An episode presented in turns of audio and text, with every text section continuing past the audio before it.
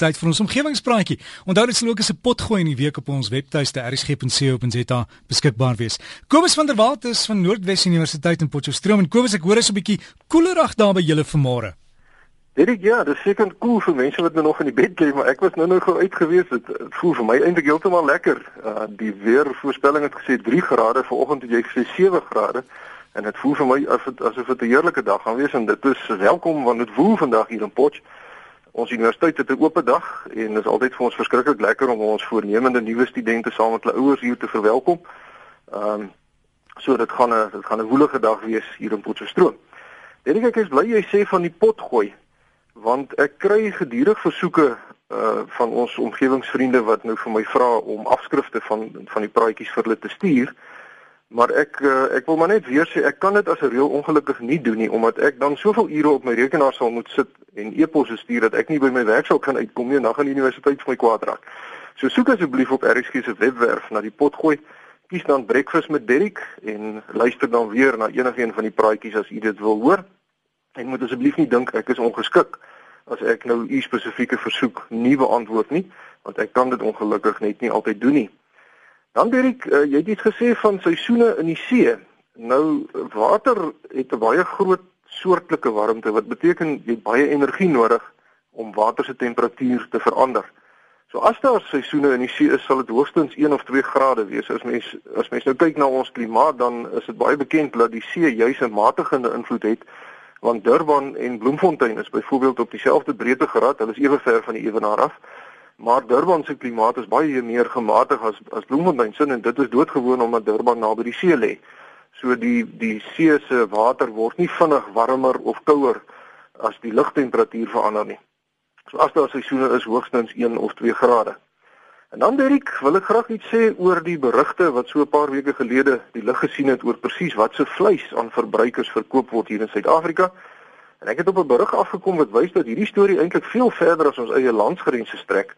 En spesifiek in Europa is dit steeds groot nuus met supermarkte wat produkte van hulle rakke afhaal en regerings wat met groot aandag kyk na voedselveiligheid en presies wat se goed aan hulle mense verkoop word. Nou dis natuurlik veral verwerkte produkte.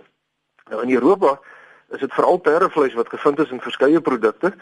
Uh, nou om perdevleis te eet kan 'n mens niks doen nie, maar die Food Safety Authority in Ierland het byvoorbeeld 27 soorte beefburgers wat mense nou in bevrore pakkies in supermarkte kan koop, geanaliseer en hulle het toe bevind dat 23 van die 27 soorte burgers ander tipe vleis bevat. Een soort beefburger het amper 'n derde perdevleis bevat. En oor die afgelope 2 maande het meer sulke gevalle in die lig gekom van oor die hele Europa. In een geval is 'n ingewikkelde verskaffingsketting van perdevleis opgespoor wat perdevleis nou in vooraf vervaardigde lasagnes versprei het in Frankryk Luxemburg, Nederland en Roemenië en tydens die verhoor van die Nederlandse vleishandelaar wat verantwoordelik was vir hierdie valse etikettering van Roemeense perdevleis as beesvleis, is dit ontdek dat hy ook Suid-Amerikaanse en Meksikaanse perdevleis ingevoer het en dit in Nederland en Duitsland verkoop het as beesvleis so ver terug as 2007. So dis nie 'n nuwe ding hierdie nie. En daar is iets skrikwekkend daaraan dat ons dat ons as verbruikers nie presies weet waar mense kos vandaan kom en wat jy eet nie. En hierdie jongste skandale ontbloot net die gebrek aan deursigtigheid en aanspreeklikheid wat ongelukkig endemies geword het aan die oorgekompliseerde multinasjonale voedselstelsel wat deur voedselmaatskappye en regerings oor die afgelope paar dekades tot stand gebring is. Hierdie uitgebreide konsolidasie en monopolievorming in die landbouindustrie, eintlik dan in die voedselverspreidings- en verwerkingsindustrie, is goed gedokumenteer in boeke soos Die Omnivore se Dilemma deur Michael Pollan en Foodopoly. Dis nou 'n samevoeging tussen food en monopoly deur ene Halter.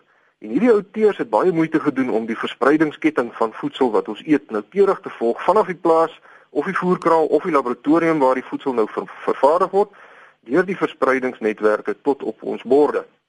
Nou onderliggend aan hierdie internasionalisering van voedselstelsels is daar 'n dieper, meer subtiele kulturele verskywing by die verbruiker natuurlik, want ons vinnige lewenstyle lei ons daartoe om gerief voorop te plaas. Met ander woorde, ons het nie meer ure om in ons kombuise te staan en kos maak nie, met die gevolg dat vooraf vervaardigde kitskosse se gebruik uh, toe toegeneem het en steeds aan die toeneem is. Dink byvoorbeeld aan ontbytpap. In hierdie verband Ek weet van min mense wat nou nie graankos of kitspap gebruik nie. Die meeste mense eet dit maar maar daar's min mense wat die ure wat spandeer om eerder die ou tydse soort mieliepap of matabella pap te maak, want dit neem tyd en tyd is iets wat die moderne mens nie veel van het nie. Verder wil ons die hele jaar lank al die voedselsoorte op ons rakke hê. En ons is nie meer bereid om slegs voedsel te eet wat natuurlikerwys in seisoen beskikbaar is nie. En dit bring natuurlik die kwaliteit van die voedsel wat ons inneem in die gedrang met die gevolg dat al hoe meer van ons vitamien en mineraal aanvullings moet gebruik omdat die kitskosse wat ons eet nie meer genoeg van hierdie heilsame en noodsaaklike voedingsstowwe in het nie. Hierdie verskynsel pas in die groter prentjie van 'n oorontwikkelde samelewing wat tot 'n groot mate kontak verloor het met wat dit beteken om 'n gesonde lewe te lei binne ons planeet se vermoë. Nou wat kan ons doen daaraan? Een uh, landstreek wat wel iets doen daaraan is die Noordiese lande, die Skandinawiese lande. Hulle het gekom met hulle eie oplossing. Hulle noem hulle noem dit die nuwe Noordiese voedselbeweging. En hierdie beweging word gelei deur die Noordiese Raad van Ministers en bekende Skandinawiese chefs. En die doel van die beweging is om die ou tradisionele benadering tot voedsel terug te bring in die samelewing om volhoubaarheid en kwaliteit te bevorder. So in plaas van om te kyk na die invoer van verskillende voedselsoorte van reg oor die wêreld, beklemtoon die Noordiese voedselbeweging tradisionele Noordiese bestanddele en tradisionele geregte en spoor hulle die mense op groot skaal aan om die plaaslike voedselindustrie te ondersteun en lokale produkte binne seisoen te eet.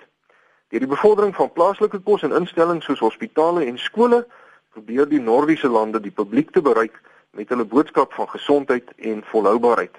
Maaltye wat vir skoolkinders voorberei word, word byvoorbeeld gebruik vir die bevordering van beter eetgewoontes, met die bedoeling dat 'n meer tradisionele manier van eet dan nou aanklank sal vind in Noordiese huise, want die kinders gaan natuurlik vir hulle ouers vertel van hierdie lekker kos. En dan dink hulle dit gaan 'n gepaardgaande kulturele heroplewing ook veroorsaak wat natuurlik ander ekonomiese voordele ook inhou. As 'n mens kultureel heropleef in jou eie land, dan is daar meer groter afsetgebied vir jou eie produkte wat natuurlik goed is vir jou betalingsbalans. Nou in die skandinawiese lande kan dit miskien werk, maar die gebruik om voedsel reg oor die wêreld te vervoer en aan te pas by die verbruiker se behoeftes is baie diep gewortel. En in die VSA het president Obama byvoorbeeld onlangs 'n wet onderteken met die naam the Farmers Assurance Provision wat boere beskerm teen vervolgings wat daar moontlik mag kom as gevolg van moontlike gesondheids- of omgewingsinvloede as hulle nou geneties gemodifiseerde voedselsoorte aanplant en produseer. Nou teenstanders van hierdie wet noem dit die Monsanto Protection Act omdat dit basies die reg van boere om geneties gemodifiseerde saad te koop en aan te plant wetlik beskerm. Die Amerikaners is baie gerieflik en verskriklik vol finies want hulle wil byvoorbeeld dwars deur die jaar perfekte piesangs op hulle rakke kan koop en daardie piesangs word in Costa Rica geproduseer en dan vervoer na Amerika toe met die gepaardgaande omgewingsinvloede daaraan verbonde. Hier in Suid-Afrika hoor ons ook kort kort van tonne en tonne vleis of ander produkte wat van Suid-Amerika, Australië of ander lande ingevoer word en ons vrugte word weer wêreldwyd uitgevoer.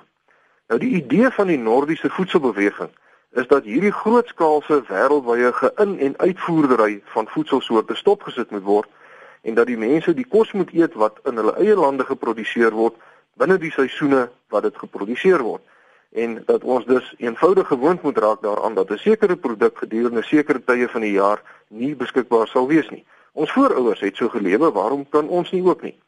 Vir ons hier in Suid-Afrika beteken dit miskien doodgewoon dat ons dalk ons boeremarkte beter sal moet ondersteun sodat ons meer vars onverwerkte produkte direk van die landbouers af kan koop en dalk 'n bietjie minder by die groot verspreidingsnetwerke moet koop en veral dan verwerkte voedsel want hierdie reusagtige internasionale voedselvervoernetwerk het 'n baie negatiewe invloed op ons omgewing. En dan loop ons boonop die risiko dat die heerlike Argentynse biefstuk wat ons vanaand op die kolle wil gooi eintlik maar 'n stuk perd is. So kom ons dink almal 'n bietjie aan die groter prentjie as ons ons voedselaankope doen. En dan Derek, wil ek graag afsluit met 'n bietjie goeie nuus in teenstelling met die wetlike beskerming van geneties gemanipuleerde gewasse in die, Amerika, het die Europese Kommissie 'n paar dae gelede, dit was Maandag geweest, die gebruik van insekdoders wat bye kan skade aandoen verbied vir 'n tydperk van minstens 2 jaar. Nou dit is reeds bekend dat die bye getalle wêreldwyd afneem en aan die een kant is daar getuienis dat hierdie afname verband hou ekskuus tog met die geweldige toename in die gebruik van insekdoders asook dan nou saad wat geneties gemodifiseer is om pestdoders te bevat. So as die bye agter die nektar aan is, dan kry hulle nou van die pestdoder ook in. Nou die boere en chemiese maatskappye en maatskappye wat die saad geneties modifiseer, protesteer nou natuurlik geweldig. En hulle sê daar's nie genoeg getuienis om hierdie verbod op pestdoders te regverdig nie. Maar niemand kan by die eenvoudige feit verbykom dat bye noodsaaklik is vir die bestuiving van omtrent 'n derde van die wêreld se voedselsoorte nie. So as die bye uitsterf, dan is 'n reuse hongersnood bykans onafwendbaar.